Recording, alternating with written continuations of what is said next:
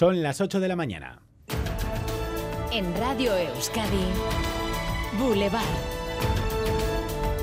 Con Xavier García Ramsten. ¿Qué tal, Egunon? Hace unos segundos acabamos de conocer el balance de resultados de Tubacex. El año pasado, 2023, lo cerró con un beneficio neto de 36,3 millones de euros, lo que supone una mejora del 79,5% con relación al año anterior. Casi un 80% mejores los resultados de Tubacex el año pasado respecto a 2022, consolidando así el fuerte dinamismo del ejercicio precedente.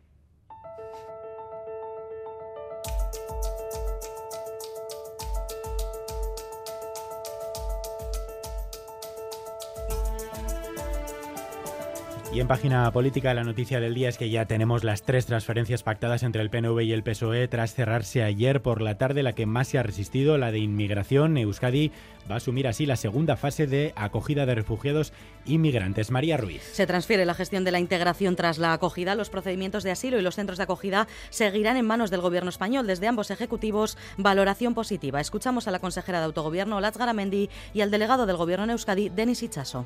Van a tener una inserción, una inclusión en nuestra sociedad a través de funciones y servicios que asumimos, como son materias pues, ligadas a la incorporación en nuestro sistema educativo, en el mercado laboral. Ya son cerca de 15 las materias que se han transferido al autogobierno vasco en uno de los mayores impulsos de los últimos tiempos a la autonomía de Euskadi. El coste total de este traspaso ascendería a 2,4 millones de euros anuales. Dentro de una hora hablamos en directo con Lidia Milivia, viceconsejera de Políticas Sociales del Gobierno Vasco, que ha estado en la negociación de esta transferencia de migraciones desde el primer momento. Y a las ocho y media, entrevista hoy con Aroa Gilete, cabeza de lista del Partido Socialista de Euskadi por Álava. Tras las transferencias llegarán las elecciones. Ayer conocimos las fechas, los plazos y hoy les contamos en Radio Euskadi que hay cierta inquietud en algunos ayuntamientos vascos por la coincidencia del sorteo de las mesas electorales con las vacaciones de Semana Santa. El sorteo es justo antes de los días festivos, así que las notificaciones llegarán cuando muchas personas estén de vacaciones. Según les podemos contar esta mañana, algún ayuntamiento se está planteando ya pedir adelantar unos días el sorteo. Begoña Dorronsoro. Sí, los ayuntamientos deberán celebrar los plenos del sorteo de mesas entre el 23 y el 27 de marzo, de modo que las personas que resulten elegidas deberán recibir la notificación de su designación entre el 24 y el 30 de marzo. Esto supone que las notificaciones se harán llegar en plenas vacaciones de Semana Santa.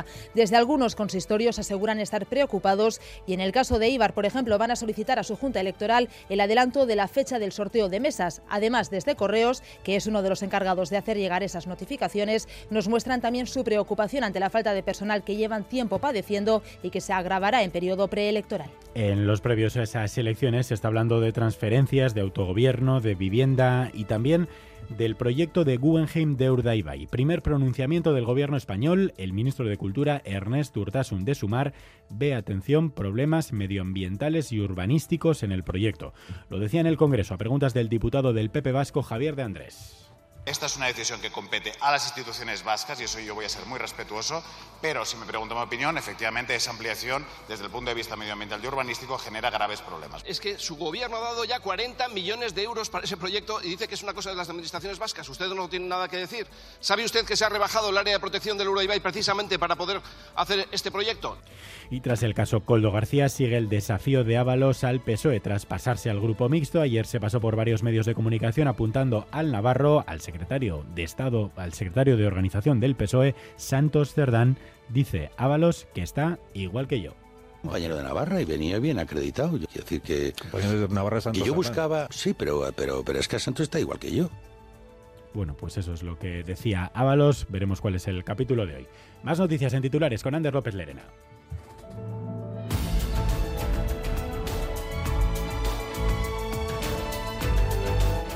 La Comisión Europea advierte de la posibilidad de una guerra en suelo europeo.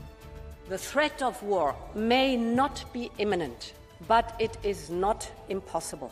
Son las palabras de Ursula von der Leyen, presidenta de la Comisión Europea. Bruselas quiere ponerse en guardia y que los Estados miembros renueven su arsenal mediante compras conjuntas, tal y como se hizo con las vacunas. Europa se quiere blindar ante la amenaza de Rusia y subraya que quiere comprar armas para Ucrania con los beneficios de los activos congelados a Moscú. Hoy conoceremos el dato adelantado del IPC para el mes de febrero y el Euribor que vuelve a repuntar. Sí, el principal índice de referencia para el mercado hipotecario cerrará febrero en torno al 3,66%, un nuevo repunte de 0,06 puntos respecto a enero y un alza en comparación con el 3,53% del año anterior. También estaremos pendientes del IPC, hoy dato adelantado para el mes de febrero. Venimos de un ligero repunte de la inflación en enero que marcó un 3,4%. En Guipúzcoa se han reducido los índices de desigualdad, pero el 10% de la población se encuentra en una situación de exclusión extrema. Según los datos de la última encuesta realizada por la Diputación Foral, Guipúzcoa tiene el menor índice de desigualdad del mundo. No obstante, la diputada de Políticas Sociales advierte de que la existencia de un 6% de personas en situación de pobreza severa. Más de 10.320 vascos padecen alguna enfermedad rara. Hoy 29 de febrero, bisiesto, día anómalo en el calendario, se celebra el Día Internacional de las Enfermedades Raras. El registro vasco de enfermedades raras ha consignado desde su creación en 2015 más de 10.420 patologías en 10.325 personas, un 15% de ellas menores de edad. Se calcula que a lo largo del mundo un 7% de la población padece alguna enfermedad poco habitual. Apunten el nombre de este grupo de música. Eire se lleva el premio al mejor artista Nobel en los Gasteas Ariak.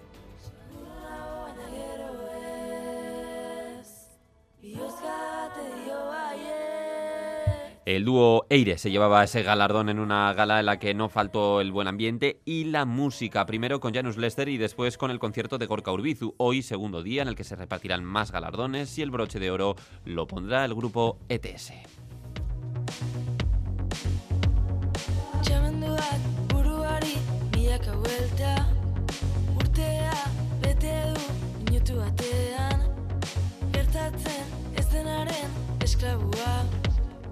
Es jueves 29 de febrero, es día extra, 2024 es año bisiesto, así que Sorionac a todas esas personas que solo cumplen cada cuatro años, entre ellos, por ejemplo, el presidente del gobierno español, Pedro Sánchez, cumpliría hoy 13 añitos. No está mal, desde luego, para ser presidente, pero hay más, con algunos de ellos hemos hablado. Aritz Aguirre. Gente elegida o especial, una entre 1500 que solo cumplen años cuando hay que elegir Lendakari y que el resto de años celebra su cumpleaños sin que sea oficial al margen de la ley del DNI, como Amaya, que nació en 1968 y cumple 14 años, menos que su hijo. En el último siglo, pues son 1500 en Euskadi. Imaginen el fiestón que hoy van a organizar, esan zenki bisurteko anaiz eta arronago. Si soy del 29, pues soy del 29. He nacido un día especial. Di que sí, zorionak eta lau urterako. Bueno, pues Soriona, que esperemos que también demos esta noche a la afición del Athletic a las nueve y media de la noche. Es la cita del día, sin duda. César Pérez Azola, Cegunón. Algunos a pues sí, un Atlético va a buscar esta noche con la ayuda de Samamés eh, una nueva final de Copa. Les vale un empate a los rojiblancos ante el Atlético de Madrid para jugar lo que sería su tercera final de Copa en los últimos cuatro años. Repite experiencia, igual que el año pasado el equipo de Chingurri y Valverde, jugándose ante su afición y con ventaja un puesto en la final. Entonces Asuna amargaba la fiesta a los Leones. Hoy los más de 50.000 personas que previsiblemente van a llenar la catedral van a animar al equipo bilbaíno para impedir en la final del próximo 6 de abril, en la Cartuja, en Sevilla, espera el Mallorca. ¿Saldrá hoy alguna entrada a la venta o no? No, no. A una reventa, quizás. Una reventita de estas que están a precio... Por encima de 500, decían. ¿eh? Pero vamos, hoy va a estar Sabamés a rebosar. Posiblemente se pueda eh, rozar, incluso superar el récord que fue el año pasado en las semifinales ante Osasuna, 50.500 personas. así que hoy parece que no va a salir. No sé si hay en los aledaños de Sabamés, hay alguien esperando, rogando que saquen alguna entrada. Unidad móvil, Natalia Díaz Egunón. Eh, pues no, al contrario que ayer a estas horas eh, no hay nadie esperando a que abren la taquilla, o sea que poco habrá que rascar. Eh, la verdad que el ambiente ahora aquí en las planas de Samamés está totalmente tranquilo, parece mentira el ambiente que segurísimo vamos a vivir esta noche, pero eso sí se respira, tanto los aficionados del Atleti como los que no los vais a escuchar, se despiertan hoy con esa incómoda sensación y mezcla de esperanza y nervios, sabiendo que hoy puede ser, después de 40 años, una noche histórica. Sí, sí, vamos a verlo, claro que vamos a verlo. ¿Y qué va a hacer el Atleti? Pues yo creo que ganar. En casa, tal, 1-0, está factible. Vale. ¿Y tú? Yo creo que el Atlético es más de remontadas, pero yo creo que teniendo un 1-0 sí que puede ganar. venga, un 2 1, como mi compi ha dicho. Eso, bien rematado. Bien rematado, ahí. y espero que gane, por supuesto. ¿Vas a ver el partido? Yo sí, esta noche, pero soy del Alavés, yo también. ¿Pero qué queréis que haga el Atleti? Pues que gane. La Real. ¿Y qué quieres que haga el Atleti? que gane, que gane. Claro, claro que hay nervios. Estamos aquí jugándonos la semifinal, así que sí, sí que hay nervios. Hombre, pues vamos a ganar 2-1 mínimo.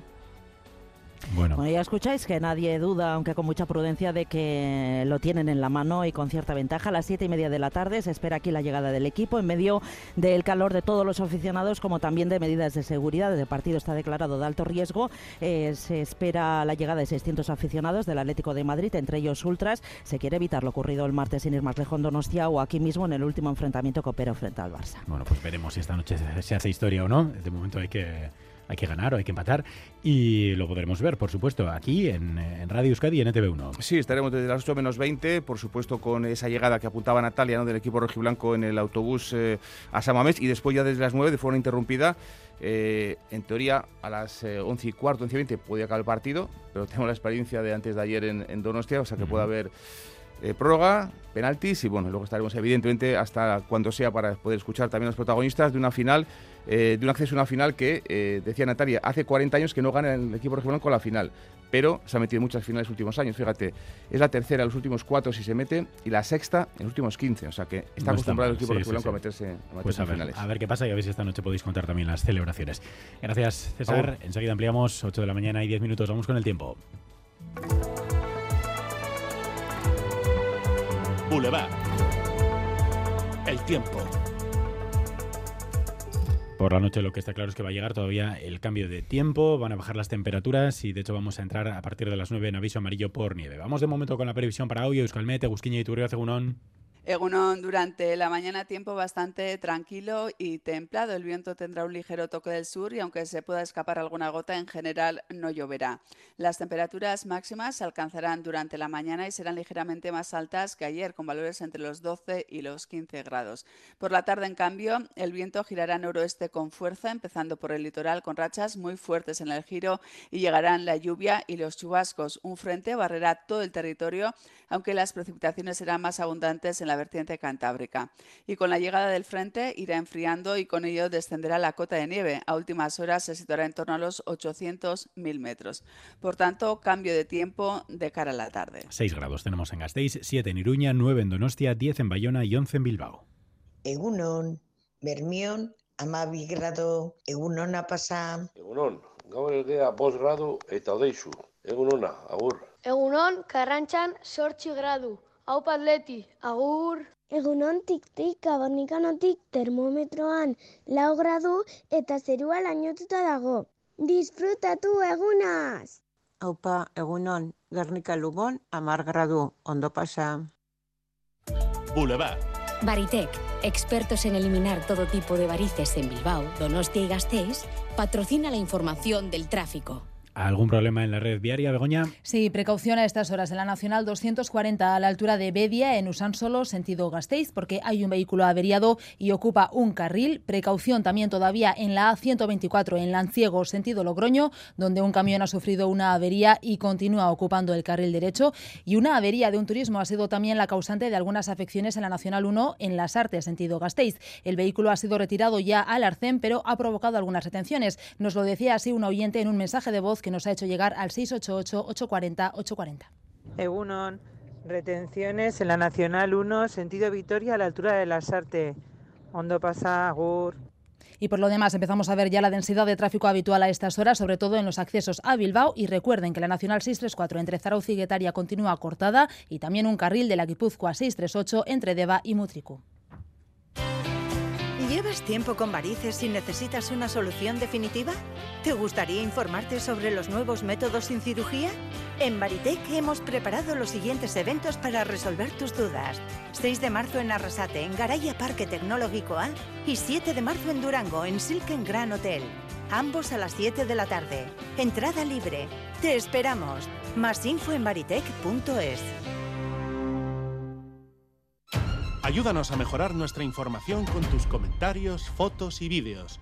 Envíalos al WhatsApp de Radio Euskadi 688 840 840.